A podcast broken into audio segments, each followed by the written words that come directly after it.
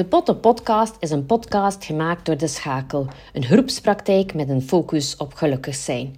Vandaag is Brecht Buisgaard te gast. Brecht is oprichter en CEO van Springbok Healthy and Wellbeing at Work. Hij schreef ook het boek Wealthy Workplaces. Maar eerst, wie is Brecht Buisgaard nu echt?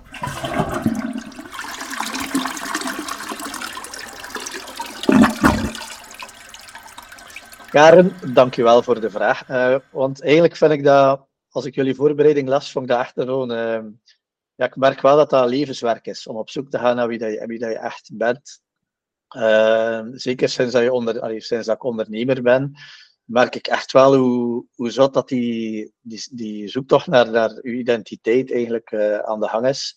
Als ik mezelf nu een beetje omschrijf en hoe dat de assessments mij ook omschrijven, ga ik heel sterk naar het, het, inspirerende motivatorschap. Ik denk dat dat iets is wat ik, ik heel vaak terugkreeg.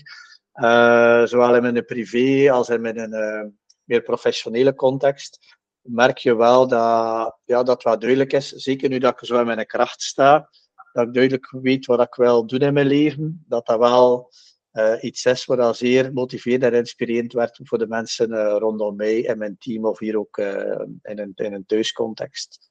En dat heeft wel wat, tijd nodig gehad om daar, uh, om daar naar op zoek te gaan van wie, wie dat je echt, echt zijt. Want het is, het is wel duidelijk dat je doorheen je, ja, je historiek, zeg maar, dat eigenlijk zowel door je, je familiesystemen als door, door uh, je vrienden dat je hebt, uh, welke universiteit dat je terechtkomt, dat, je, dat zijn allemaal contexten.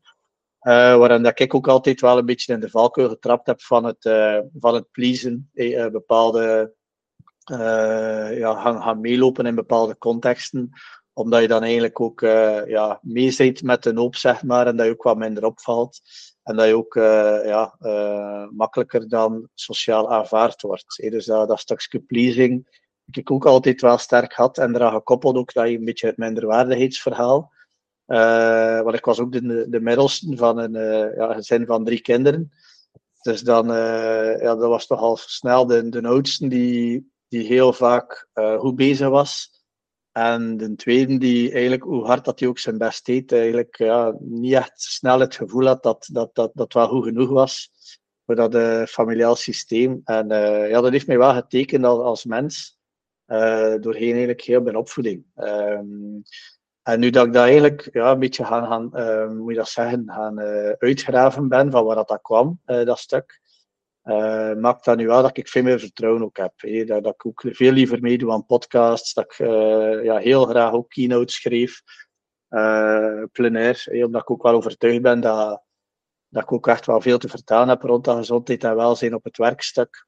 Um, dus ja, er zat wel heel veel pleaser, minderwaardigheidsgevoel, maar dat is nu toch wel een kantje dat ik voor mezelf ook aan het herontdekken was, dat dat eigenlijk iets was die historisch gegroeid was, die niet eigenlijk bij mijn authentieke zelf uh, past. Eigenlijk ben ik wel iemand die heel graag op de barricade staat. En zeker nu dat ik, uh, dat goed weet waar mijn talenten zitten, waar mijn missie in het leven staat. En dat is dan echt wel om, om mensen en organisaties in beweging te brengen naar de gezondere eh, versie van zichzelf, ofwel naar, naar meer welzijn binnen de organisatie. Dus ja, het is, uh, het is veel in ontwikkeling daar op dat, punt. Uh, ik heb er ook heel veel in geïnvesteerd in die persoonlijke coaching om naar de, de echte versie van mezelf te, te gaan zoeken. Uh, maar dat wordt nu wel meer en meer duidelijk. En dat voelt ook fantastisch. Hè. In, in het Japans zeggen ze ikigai daartegen. Waar je eigenlijk in een, in een ideale flow state staat en dat je het gevoel hebt dat je, je verhaaltje klopt. Dat je zowel in je privéleven als in je werkleven eigenlijk met het juiste ding bezig bent. En dat allemaal mooi resoneert vanuit liefde um, voor, voor je werk en je omgeving. Um, wat is ook wel iets die bij mij past. Ik ben een, een echte mensenmens, dus relationeel. Ja, ook binnen mijn team ga ik heel veel uh, ja, uh, inspanningen doen rond het relationele, rond die intimiteit eigenlijk, mensen echt leren kennen. En ook thuis en bij mijn vriend ben ik wel iemand die, die heel graag uh, met de essentie bezig is. En, niet zo heel vaak met meer met de oppervlakte. Dus echt wel op zoek gaan naar, naar wat dat, dat mensen echt in verbinding brengt. Vanuit de, ja, de good news show, maar, maar, maar ook vaak vanuit ja, ook, ook de mindere momenten, waar dat wat, wat lastiger is, de kwetsbare momenten, er ook kunnen zijn als vriend, als man, als collega. Dus eigenlijk die, uh, die echte connectie is voor mij ook wel, uh, een heel belangrijk iets. En ook sinds corona enorm, enorm geëvolueerd. Maar dat heeft ons ook wel als mens gedwongen om onze sociale systeem wat meer kritisch te durven bekijken van wie doet er echt toe. En waar halen we echt wel heel veel energie uit. En waar, ja, waar geven we altijd heel veel energie, maar komt er weinig van terug. Ik vergelijk dat ik was met een boom snoeien. Dus de levende takken behouden, maar de, de takken die, die dood zijn, durven snoeien. Waardoor je weer energie hebt om, om bezig te zijn met de essentie van, van het leven. En ook weer openstaan voor, voor nieuwe vriendschappen. Uh, nieuwe mensen op je pad, waar je dan weer wat tijd en energie en aandacht voor hebt. om daar eigenlijk ook weer een, een goede relatie mee te gaan uitbouwen. En dan misschien nog twee dingetjes. Ik denk in mijn echtheid kom ik volledig tot uiting in de natuur. En dan vooral als ik in beweging ben. Dus als ik in een, in een bos zit en kan daar een trailrun of met mijn mountainbike een tour doen, dan, uh, dan ervaar je de echte brecht. Allee, goed doorbloed en ja, mindful, volledig bewust van, van, van mijn lichaam, van, van de connectie met de natuur, met de mensen rondom mij. ja, voilà. Ik denk dat dat zo'n beetje de dingetjes zijn dat ik, uh, dat ik heel graag wil antwoorden op jouw vraag. Mm Omdat dat wel iets is die, die ook wel voor mij een zeer belangrijk iets is. Dus dat, dat echt zijn, authentiek zijn, is een van de belangrijkste waarden in mijn leven. En daar naar op zoek gaan, voor heel veel mensen een interessante oefening. Ja, ik kan juist zeggen, geen eenvoudig, maar ik hoor het ook in jouw verhaal. Hè. Het is niet van kind dat, dat je al wist wie dat je was of waar je richting naartoe ging gaan, veronderstel ik niet. Maar dat heeft moed en doorzetting om toch er naartoe te durven gaan en, en durven zoeken naar wat past er nu echt bij mij, wat ik nu echt ook kan laten tonen aan de mensen rondom, rondom mij. Ja, het is, gewoon dat, dat proces een proces te laten zijn en er eigenlijk ook dikwijls in vertrouwen dat, dat, dat alles wel een reden heeft. Um, als ik het nu met je professionele circuit even bekijk, ik heb de, de vrijheid gekregen van mijn ouders van de eerste keer als ik, als ik LO, uh, LO gestudeerd heb in sporthotel Leuven. En eigenlijk dan heb ik ja, eigenlijk me heel snel laten verleiden om in, in een business development rol, commerciële rol in een privé context te gaan, waardoor dat ik een klein beetje mee wel afgesplitst heb van mezelf. Maar ook die tien jaar in de privé, vooraleer als ik ondernemer was, hebben me eigenlijk gemaakt tot de persoon dat, dat ik nu ben. En die talenten of die vaardigheden, om, om, ik was vooral in business development en sales actief, uh, hebben mij wel gevormd tot de persoon dat ik ben. In die hoedanigheid dat we wel van Springbok ja, een bedrijf gemaakt hebben die nu tien jaar bestaat en die echt ook wel de nodige, moet ik dat zeggen, daadkracht nodig had in die eerste jaar om, om op die kaart gezet te worden. Eh, en dat gaat dan echt over sales en business development. En die eerste tien jaar heb ik wel die vaardigheden gekregen vanuit, vanuit mijn privécircuit. Uh, ja. En ja, ik heb er eigenlijk nooit bewust mee bezig geweest in die tien jaar in de privé, maar achteraf bleek dat toch wel zeer belangrijke jaren voor mij geweest te zijn om ten eerste mijn professioneel netwerk uit te, bouwen, maar vooral ook die ondernemerskills vanuit, vanuit daadkracht om iets vanuit passie in de wereld te zetten. Ja, je wel bepaalde professionele en uh, expertise nodig. Uh, en dat heb ik wel kunnen uitbouwen doorheen die tien jaar in de profit. En nu, nu komt dat dan plotseling in mijn onderneming naar, naar voren, dat, dat, ja, dat alles wel uh, zijn nut gehad heeft in de historiek. Dus dat vertrouwen in het proces is niet altijd evident, maar meestal heeft alles wel een reden. Mm -hmm. Nu, je haalde dat springbok aan. Ik denk dat sommige luisteraars niet weten wat springbok is. Wil het in een notendopje of zo wel teasen van voor wat staan jullie dan? Ja, nou, we zijn eigenlijk een, eh, een, een, ja, een middelgrote organisatie, of zeg maar een kleine organisatie, bestaan uit tien vaste medewerkers. Uh, en daar rond eigenlijk een team van een honderdtal freelance coaches, uh, consultants.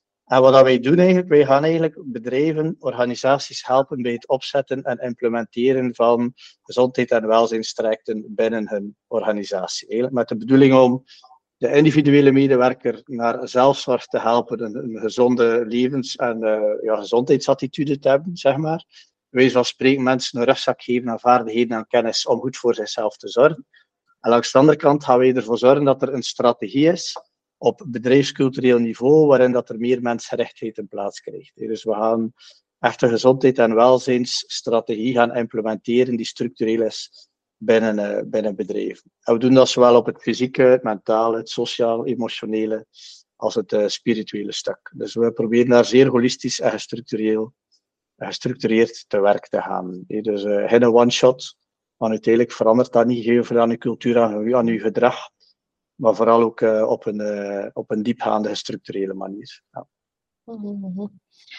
Nu, mijn ervaring was, maar zeker in corona, dat heel veel organisaties dat soms ook wel nog bij hen houden. Um, is er daar een beweging in aan het komen? Zegt van inderdaad, ze beseffen bijvoorbeeld, wij zijn de organisatie, maar wij hebben op dat uh, gebied of deze verschillende holistische gebieden geen kaas gegeten. Maar het is wel belangrijk dat dat geïmplementeerd Voel je daar al zo wat meer beweging in komen? Ja, ja, er is een enorme mentale shift, uh, een mindshift eigenlijk in, in, veel bedrijven aan de gang. Uh, dat die mensenrechten echt een cruciale uh, wordt om je, om talenten of je sociaal kapitaal eigenlijk te gaan, te gaan behouden. Hè. Ik denk dat dat iets is dat elke organisatie beseft. Hè. Dus de mensen kunnen motiveren om, om, om bij uw organisatie te gaan solliciteren, maar vooral ook ervoor te zorgen dat, dat ze blijven. Hè. Dus dat die achterdeur niet altijd continu open staat. Dus dat dat retentieverhaal eigenlijk hoe geswanneerd wordt. Dus die zorg voor de medewerker is echt, is echt een cruciale strategische pijler geworden. Uh, nu, wat merken wij wel, is dat, dat wij daar wel een enorm ja, verantwoordelijkheid hebben, of, of een, eh, een drive hebben om bedrijfsleiders, beslissingsnemers op vlak van ja, hoe hard gaan we nu gaan investeren in zo'n gezondheid en welzijnsbeleid, dat dat wel door veel organisaties nog altijd zo als een quick win gezien wordt, om daar toch wel zo maar hier en daar wel als flodders te werken. En dat we wel echt wel moeten challengen om dat structureel te doen, om effectief dat effect te hebben, om die zorgende werkgever te zijn, waar je eigenlijk ook wat verschillen gaat gaan maken in de, in de markt. Dus um, ja, er is een mindshift. Alleen merk je dat de verschillende crisissen die portefeuille van veel bedrijfsleiders nog altijd niet voldoende openzet om daar structureel echt te kunnen op werken op de lange termijn. Maar er is er wel een verschuiving. De, de mensgerichte organisaties die, die er al mee bezig waren, blijven daar ook goed in investeren. Zien dat ook als een investering en niet als een kost. En gaan ook wel geleidelijk aan meer en meer gaan bestellen. Waar we vroeger een uh, bestellingskor van tussen de 5 à 10.000 euro per jaar. Hey, uh, schuift dat nu toch wel naar 15, 20, zelfs 30.000 euro gemiddeld. Om op jaarbasis, zowel op individueel, team als organisatieniveau, aan gezondheid en welzijn op, op de werkplek uh, iets te gaan doen. Dus het verandert, maar het is met mondjesmaat en het potentieel wordt steeds groter, want ja, de cijfers daar rond, rond het fysieke, mentale welzijn van veel mensen, ja, dat, dat gaat niet altijd de goede richting uit. Dus medewerkers gaan ook veel kritischer worden voor welk type organisatie dat ze willen werken.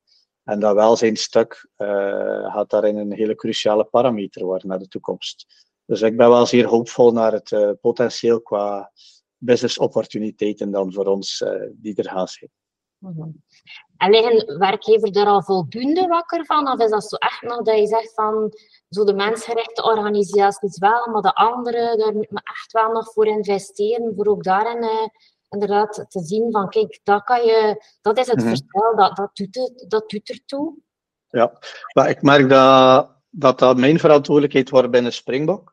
Om vooral als het in een uh, prospectfase zit, dus, uh, dus ergens toekomt, en dat ze zeggen van kijk, hier hier een, een budget om om aan gezondheid en welzijn te doen. En dan, dan vraag ik ook altijd heel sterk door naar de visie en de, de echte driver van een HR-manager of een, een, CEO van waarom doe je dat hier eigenlijk? En als ik daar eigenlijk voel en hoor van dat dat eigenlijk niet echt van vertrekt vanuit een oprechte zorg voor hun mensen, dan, dan, of dat de resources daarvoor ja, uh, eigenlijk aan de lage kant zitten, zowel financieel als qua, qua mankracht intern in de organisatie of vrouwkracht. Want het is nogal dikwijls binnen HR de dames die dat moeten op, opnemen.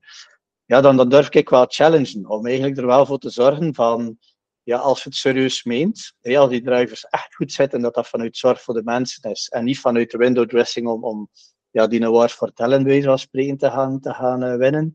Als dat vertrekt vanuit een oprechte zorg voor je mensen, dan durf ik daar wel te challengen dat ofwel die resources al mogen moeten, ofwel dat we, dat echt wel kunnen ook inzetten op leiderschapstijl, op uh, de cultuur die in, in een directiecomité bijvoorbeeld ook ja, nog altijd niet, niet te veel buy-in heeft dat we daar ook proberen te challenge van kijk, vooral dat we plenair hier in de organisatie met een traject starten, is het wel belangrijk dat we unanimiteit hebben in de boardroom, dat die neus in dezelfde richting staan, dat die nou waarom te investeren in gezondheid en welzijn op het werk wel degelijk uh, gedragen wordt. En als dat er dan is, dan kunnen we pas naar die volgende stap gaan. Dus ik heb er wel een grote verantwoordelijkheid om eigenlijk een beetje in te schatten hoe matuur is die organisatie op implementatie van health en wellbeing strategie en management En dan in functie van wat ik ervaar, dat ik daar probeer te zeggen van kijk, laat ons gefaseerd uh, met, die, met die zaken beginnen om eigenlijk op de termijn dan met een, een algemene organisatiecampagne te kunnen, te kunnen starten. En ik merk wel, doordat we toch wel een beetje anciëniteit hebben, Karen, dat we dat vertrouwen heel vaak krijgen van organisaties om ook die paar stapjes terug te nemen vooraleer dat we algemeen in de organisatie stappen. Dus ja, mijn rol daarin is wel, is wel belangrijker geworden. En ik merk ook wel dat, doordat ik ook wel met vertrouwen er sta en die zaken terug durf geven, dat veel mensen daar ook begrip voor hebben en daar ook uh, wel in meegaan. En dat we daardoor ook op lange termijn veel meer uh, meetbare effecten kunnen uh, realiseren. Ja. -hmm. Nee, ik geloof daar helemaal in. Um, en geloof je dan ook bijvoorbeeld dat in de, de setting van een bedrijf ook psychotherapie zou kunnen toegevoegd worden in een bedrijfscultuur of setting? Absoluut, ja. Uiteindelijk het, het preventie- en het curatiestuk. Ja. Wat je heel vaak hoort is dat heel veel organisaties al ten volle inzetten op dat curatieve verhaal. Maar dat preventiestuk eigenlijk al een beetje willen oplossen met wat losstaande floddertjes. Ja, en eigenlijk heb je zoveel te winnen dat je dat preventieluik eigenlijk voor, voor een stuk gaat, veel meer gaan onderbouwen en structureren. En eigenlijk nog voordat de mensen bepaalde knipperlichten hebben, dat je daar al bepaalde hulpbronnen uh, uitreikt die ook gekend zijn. Wat heel vaak zijn ze niet gekend binnen de organisaties. Om daar eigenlijk dat preventieverhaal eigenlijk uh, te gaan aanpakken. Dus uw curatievlak is absoluut, maar ook uw preventiestuk. Er zijn ook heel veel uh, ja, organisaties die binnen well-being op het werk ook, ook uh, aan, aan het opkomen zijn, die volop daar, daar werken. Ze noemen dat de EAP-programma's, Employee Assistance Programs, die echt heel, heel fel op dat psychosociale stuk gaan, gaan inspelen. Wij vanuit Springbok gaan veel meer vanuit die positieve preventie eigenlijk gaan werken. Dus dat we veel meer vanuit energiebalans, lifestyle, eigenlijk nog voordat het te laat is, dat we mensen eigenlijk gaan, gaan coachen in die, die positieve energie. En dat heeft dan veel minder een zwaarwichtigheid, wat dat dikwijls voor veel mensen altijd een taboe is, om op die uh, psychotherapiegesprekken eigenlijk te gaan gaan. Dus wij proberen eigenlijk dat op een andere manier een bepaalde in, inhang te krijgen of te geven, waardoor dat je wel de drempel verlaagt om mensen om daar eigenlijk ja, rapper, rapper in gesprek te gaan met een coach. Ja. Mm -hmm. En ik denk zelfs bij eventuele vacatures moest dat als uitgangsbord kunnen zijn, dat dat ook wel voor heel veel mensen een plus zou zijn voor al dan niet te solliciteren, dat er ook daar ook voor is. Want ja, we komen mm. allemaal een keer uh, dompers of uh, frustraties tegen in ons leven, maar als je al voelt dat die cultuur daar anders zit, mm. dan denk ik dat je op lange termijn een groter engagement kan krijgen van de mensen die solliciteren. Absoluut. Ja, meer dan 70% van de mensen die nu ergens op zoek zijn naar een job, die, die kijken echt van in welke mate is een bedrijf bezig met duurzame welzijnsinterventies. Uh, uh, dus dat wordt echt wel een van de, de cruciale parameters om te kiezen voor werkgever A of werkgever B als je daarmee bezig bent met zulke dingen. Mm. Dus uh, als werkgever zijn er beter waar, bewust mee bezig dan dat je dat niet aan kunt zijn. Ja. Even belangrijk klinkt bezig zijn met ChatGPT of artificiële intelligentie of automatisatie van processen, denk ik, uh, zorg voor uw mensen vanuit een, eh, een oprechte mensenrechtheid. Uh, had ook mm. wel heel veel uh, verschil maken in de arbeidsmarkt. Ja. En hoe was dat de naam Springbok eigenlijk? Want ik vroeg me dat wel af. Dat is, triggert niet naar het bedrijfsstuk voor mij, maar het is eigenlijk. Ja.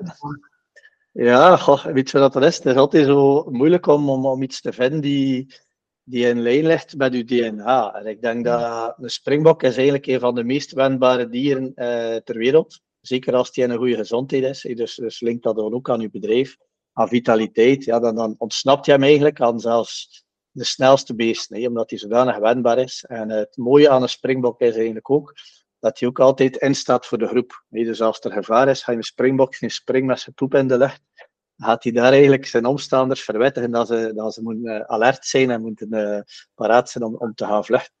Dus uh, dat vind ik al super mooie eigenschappen van het dier. En dat is eigenlijk voor mij een beetje duidelijk geworden. Ik ben ook Hans mijn in de scouts geweest, Karen. Um, en daar kreeg ik eigenlijk als jonge verkenner um, een dier en een adjectief daarbij. Hè. Dus ehm, bij mij was dat competitieve genoeg destijds. En als ik nu de oefening opnieuw deed via Scouting Totem, dat is een appje, dan kwam ik eigenlijk uit bij een springbok. En ik vond dat ook wel leuk klinken, specifiek voor die veerkrachteigenschap, maar ook voor die, uh, die wendbaarheid, die groep, dat groepsgevoel die daarachter zit.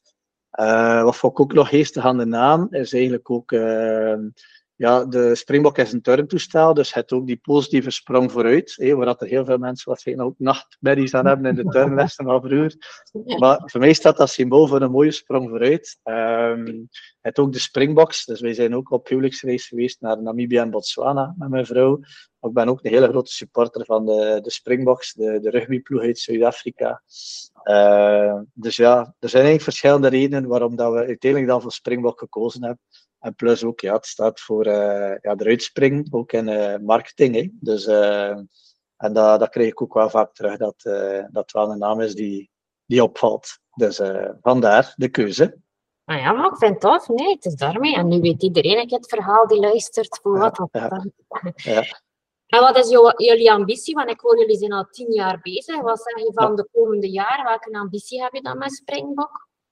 Ja, um, voor mij, uh, mijn ambitie uh, is eigenlijk vooral om het uh, Springbok DNA te laten groter worden. Ehm, en de snelheid van het bedrijf hangt heel, snel, heel fel af van de snelheid dat we de juiste mensen vinden. En niet in functie van opportuniteit en omzetgroei, want dat is, dat is de valkuil. Hoe dat ik vroeger in elkaar zat, was ik een ondernemer, ik wou de grootste worden en het beste zijn. Dat kwam ook een beetje voort vanuit de familiehistoriek, altijd dat presteren. Uh, en nu door persoonlijke ontwikkeling heb ik gezien dat, wij, dat dat goed zit zoals we nu hebben. We hebben een DNA als organisatie die onkopieerbaar is. Dus die, uh, die positiviteit, die dynamiek, die professionaliteit uitstraalt, resoneert met, met, met de omgeving, met de klanten en zo verder.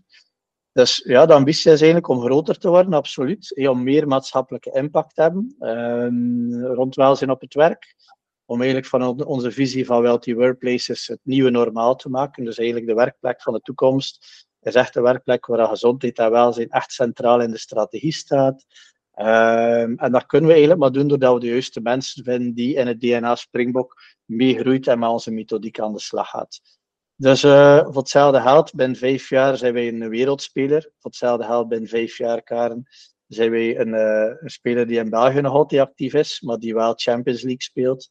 Uh, en dat is eigenlijk wel voor mij het allerbelangrijkste. Dus de, kwaliteit van onze dienstverlening en de betrokkenheid tot onze projecten. En vooral ook uh, een heel sterk ja, bedrijfs-DNA, waarin dat we eigenlijk allemaal uh, ja, door het vuur gaan voor elkaar. Hè. Dus dat is voor mij, is voor mij belangrijk. Ja. Nee, dat hoor je ook. Het is echt hard to hart. Hè. Ook als je over de, alles praat en zit, zit er liefde in. En ik denk dat dat ook inderdaad de, de meerwaarde, de plus is erop. Als je het met liefde doet, en ook als ik hoorde, mm -hmm. van, ik wil ook van de, de werkgevers of de CEO's horen van waar ze mee bezig. Dan, dan is het inderdaad een verhaal waar je beiden in gelooft. Want anders komt het mm -hmm. inderdaad niet tot wat je bent. Nee, en, ja, het is, dat waren de eerste jaren van Springbok als ondernemer wat doe je? Je gaat in op iedere vraag die je krijgt. Hè. Een CEO die daar met een zak geld staat te zwaaien van hier, ik moet hier een beetje indruk maken op sociale media. Met wat start to project, met wat events, sporteventjes. En ja, je doet dat dan maar omdat je ja, ook, ook moet overleven als ondernemer. Maar dan bottom line zijn dat de mensen van dat bedrijf die zeggen, ja, maar waar komen ze nu mee af? Ze zouden beter een beetje werken aan de feedbackcultuur van de, aan de leiderschapsvaardigheden. Want alles wat we hier doen, uh, alles vanuit een, een werkdruk en zo verder vooral je als afkomen van die Good News Show interventies. En ik deed dat vroeger en toen kwam er eigenlijk altijd ja, feedback van de CEO. Die zegt, zie je wel dat niet, die marcheert, mensen zijn er hoesting voor. En ik ben dan uiteindelijk slachtoffer, terwijl waar ik nu zeg van nee, ik ga eerst een beetje gas teruggeven. Uh, niet direct met die zak geld gaan lopen, maar erop, ervan overtuigd zijn dat we dat een klein beetje uitstellen. En uh, even dat management proberen te aligneren om toch eventueel op termijn dat wel de effect te hebben dat ze beogen. En dat is wel een hele grote eh, evolutie geweest eigenlijk, ja, klopt. Nu, je schreef ook eh, een boek over de Wealthy Workplace. Um, Is dat dan zo om, om je kennis dat je hebt nog, nog dichter bij de mensen te brengen? Uh, en voor misschien de luisteraars die, die het boek niet kennen, of misschien een teaser willen, mm. waarover gaat het boek? Ja, wel, Wealthy Workplaces is, ik had er juist misschien kort al toegelegd, is eigenlijk de visie hoe dat wij de werkplek van de toekomst zien in volle mensgerichtheid. En Wealthy staat eigenlijk voor een blend van health, well-being en wealth management. Dus uh, waar health meer linkt naar fysieke en mentale gezondheid van medewerkers. Well-being linken wij dan meer naar het sociaal-emotionele, het interrelationele stuk eigenlijk, je, voelen op het werkplek. En wealth staat eigenlijk voor uh, zowel het financiële welzijn, dus de rijkdom, maar ook de rijkdom vanuit meaningful life. Dus ook vanuit ja, zingeving, persoonlijke waarden die ook linken aan uw, aan uw bedrijfswaarden. En in welke mate is er daar een mooie alignering tussen de medewerker en, en, het, en de missie van het bedrijf. Dus dat is eigenlijk hoe dat wij in zijn, in zijn holistische visie de werkplek van de toekomst zien. En het boek is eigenlijk tot stand gekomen vanuit een beetje een toeval, mag het wel zo noemen, want van corona uh, kwam eraan en eigenlijk is ons business van één dag op een andere, was een orderboek van bijna een miljoen euro. En op, op twee dagen tijd was dat 0 euro. Hè? Dus uh, waardoor dat eigenlijk iedereen op dat moment, ja, we zijn een relatief groot zelfstandige organisatie, dus, dus ja, waar er redelijk wat engagement is vanuit de zelfstandigen naar Springbok. Dus iedereen viel wel in, in, die, ja, die technische werkloosheid in die tijd als, als zelfstandige. Uh, dat had ook weer een specifieke naam, maar ben dan nu even kwijt. Uh, waardoor dat, ja, dat we eigenlijk geen garanties meer hadden. En dat eigenlijk onze business volledig stil viel. En ik, heb van de nood een deugd gemaakt. Hey, dat past ook wel een beetje bij de aard van dit beestje. Uh, om eigenlijk niet bij de pakken te blijven zitten en er toch voor te gaan. En ik heb een aantal ja, inspirerende mensen gecontacteerd. Uh, professoren, uh, CEO's, ja, bedrijfsinfluencers, mensen met, met een mooi netwerk en met een sterke visie. Um, ik heb ze eigenlijk uitgenodigd om in hun ideale of, favoriete stukje natuur eigenlijk uh, bij mij op wandel te gaan. En eigenlijk te vertellen hoe dat zij gezondheid ervaren. Hoe belangrijk is dat voor hen zelf? Hoe belangrijk is dat binnen de organisatie waarvoor dat ze verantwoordelijk zijn? En wel, wat is daarvan de maatschappelijke uh, relevantie eh, om daarmee bezig te zijn? En met die kapstok ben ik eigenlijk met die mensen in de natuur geweest. Ik had al een, een drietal interviews gedaan met Anouk Laha van Accent, met Boudewijn van den Brand van Lidl en Rick Farah van Xworks. En, um, en dat waren zodanig ja, diepgaande, ja, hele, hele mooie, openhartige gesprekken, dat, ja, dat, dat ik zo het gevoel heb van ik moet daar veel meer mee doen. En dat is dan opgepikt geweest door, ook door. Die zei van ja, de max, ja, het waren daar mooie foto's van, die blogartikels waren al geschreven en dat, dat, dat, dat klopte wel. En die zei van ja, we willen daar gerust mee ondersteunen en daar eventueel een boek van maken. En op die manier hebben we daar eigenlijk een boek van gemaakt, waarin dat we de wandelinterviews, uh, eigenlijk uh, het tweede deel van het boek. En het eerste deel van het boek is eigenlijk dan, ja, welke methodiek gebruiken wij vanuit Springbok om die Wealthy Workplace te gaan creëren binnen die organisatie. En dan wat is onze visie erachter? Wat zijn eigenlijk de, de bouwstenen of de DNA's als we een organisatie? Dus het eerste stuk is meer een beetje ervaring delen. En het tweede deel is eigenlijk meer een soort ja, stories van een, uh, een veertiental mensen die hun visie over welzijn en gezondheid uh, delen.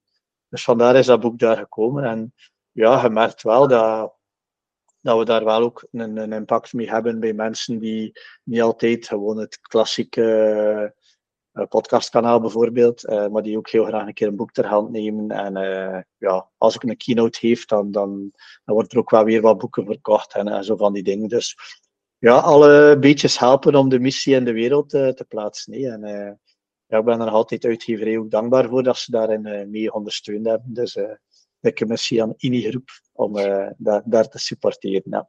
ja.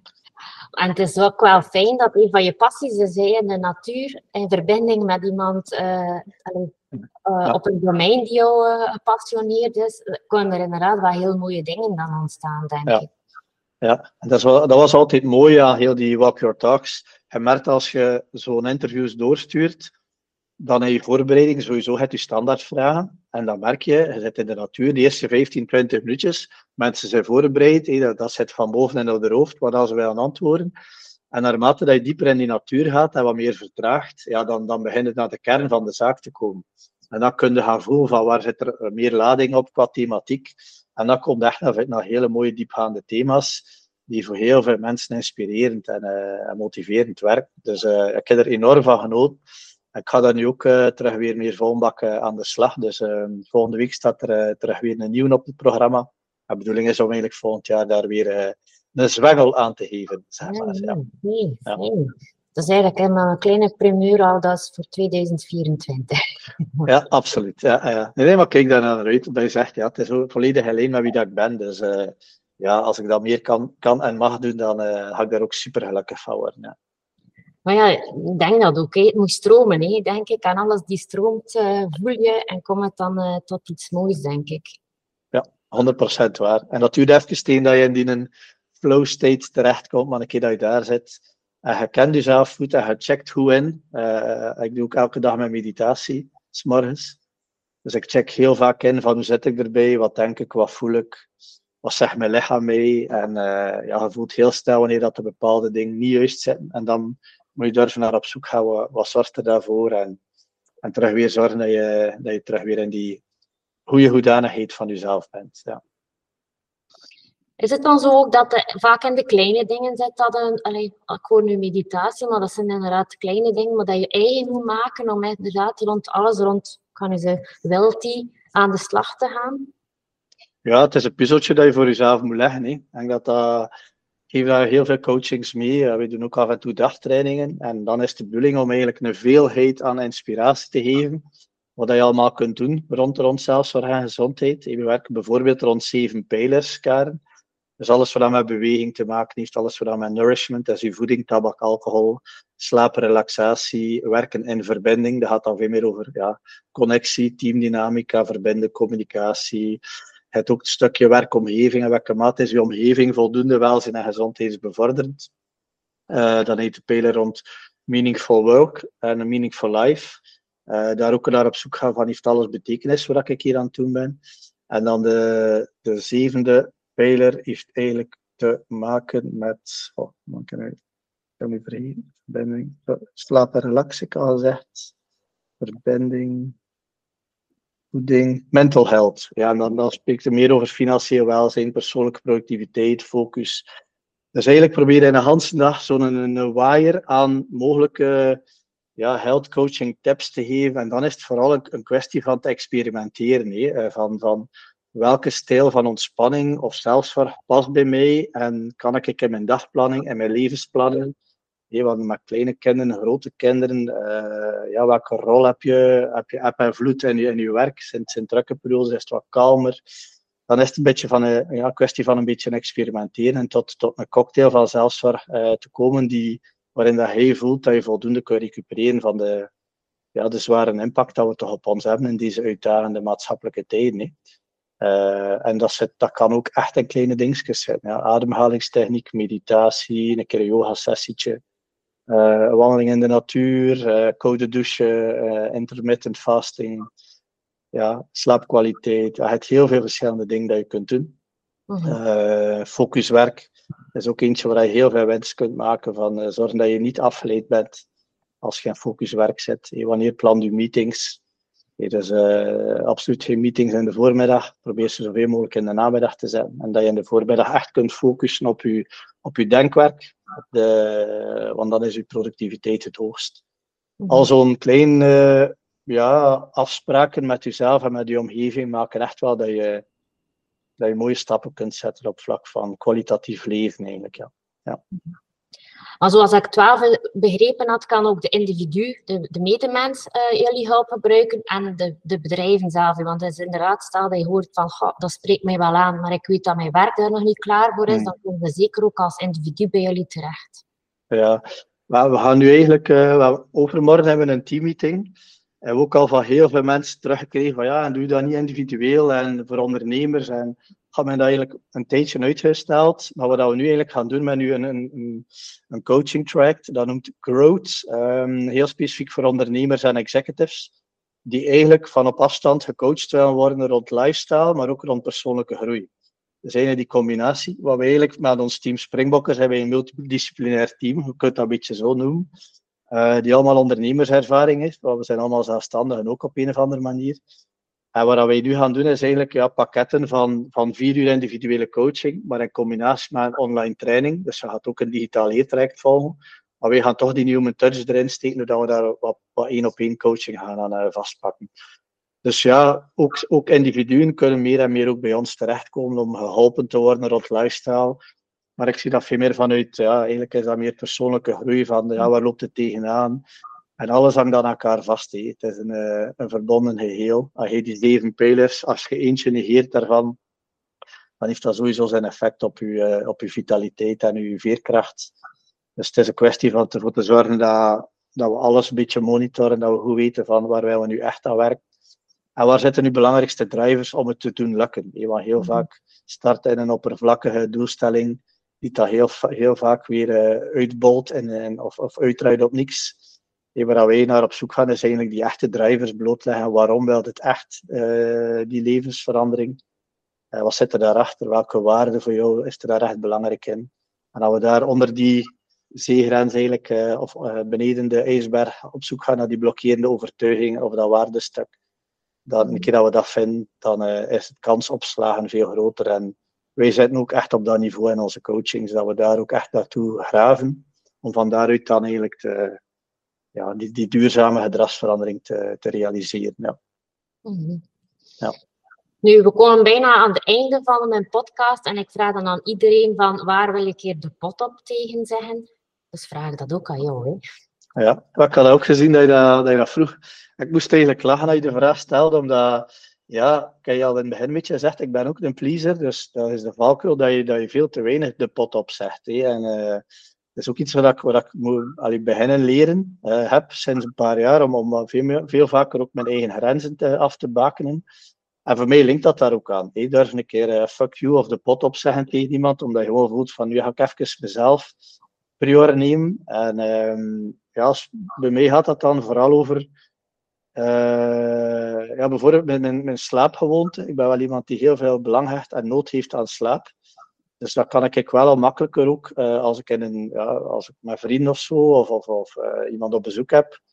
Het wordt, wordt te laat in de week, dan ga ik echt wel op tijd naar huis. Of, of ga ik op tijd hier zelfs thuis in mijn bed gaan kruiden, omdat ik gewoon besef dat, dat ik daar eigenlijk wel die slaap nodig heb om de dag daarna weer de beste versie van mezelf te zijn.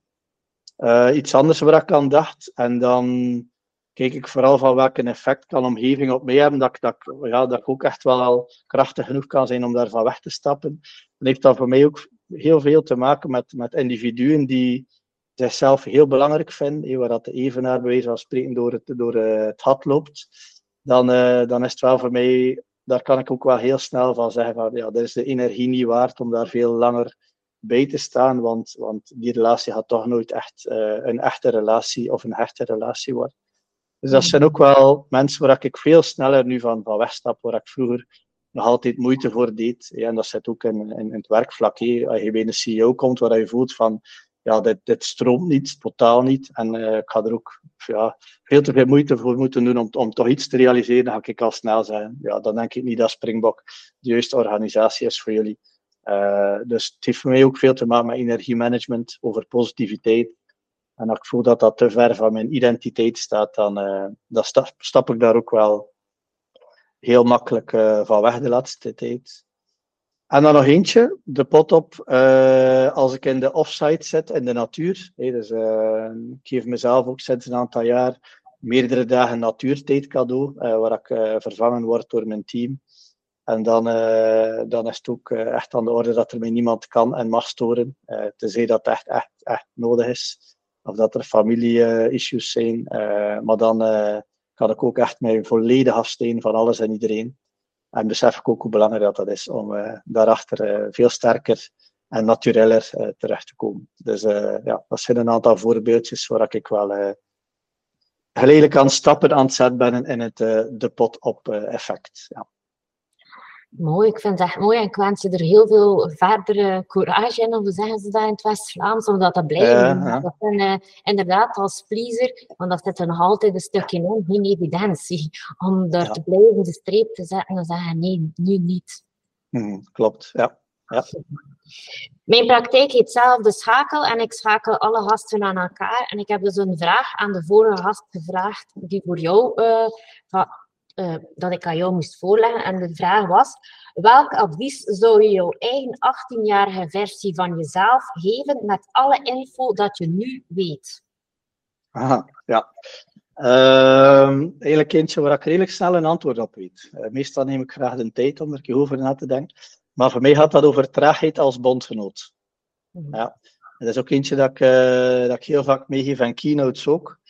Uh, de metafoor dat ik daar gebruik is de metafoor van de valk. Dus als je nu langs de autostrade rijdt, zie je heel veel van die, van die valkjes uh, bedden op de, op de thermiek van de lucht en de wind.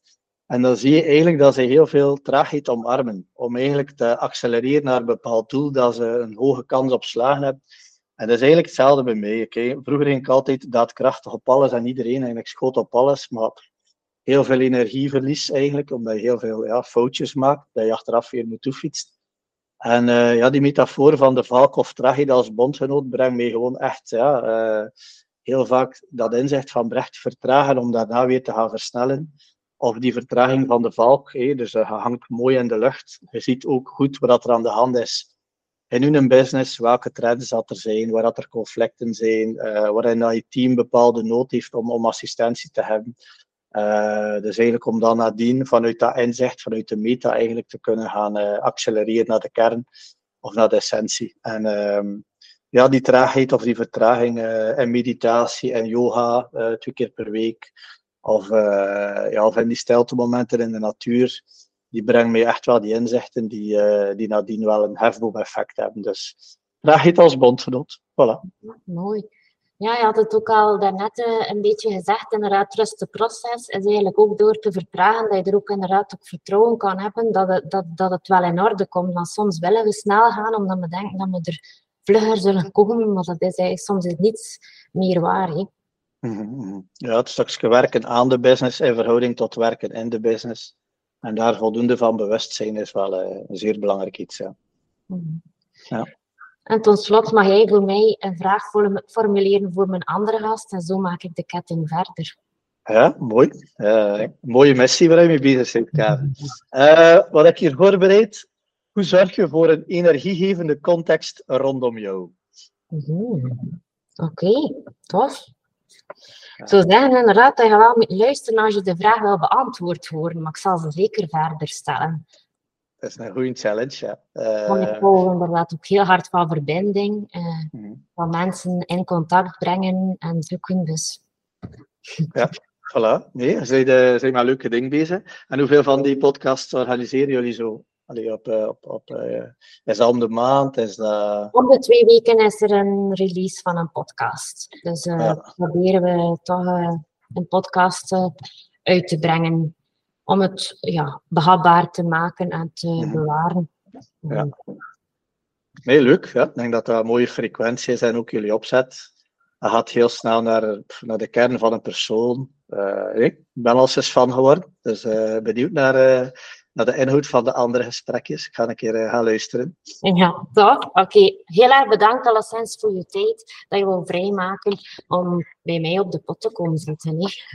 Ja, nee, tot de baks. Ja, ik heb er ook van genoten dat ik met Karen. Uh, ben ook blij om een keer in die zelfreflectie te gaan. Het gebeurt ook niet, niet veel dat je als CEO even de, de lens op u krijgt. Meestal is het zorgen voor anderen en zorgen dat een boel draait. En dan is het ook wel een fijn om in die zelfreflectie uh, te duiken en een paar dingetjes een keer te highlighten die echt wel belangrijk zijn voor, uh, voor de toekomst. Ja, dus uh, ook merci aan jou. Ja.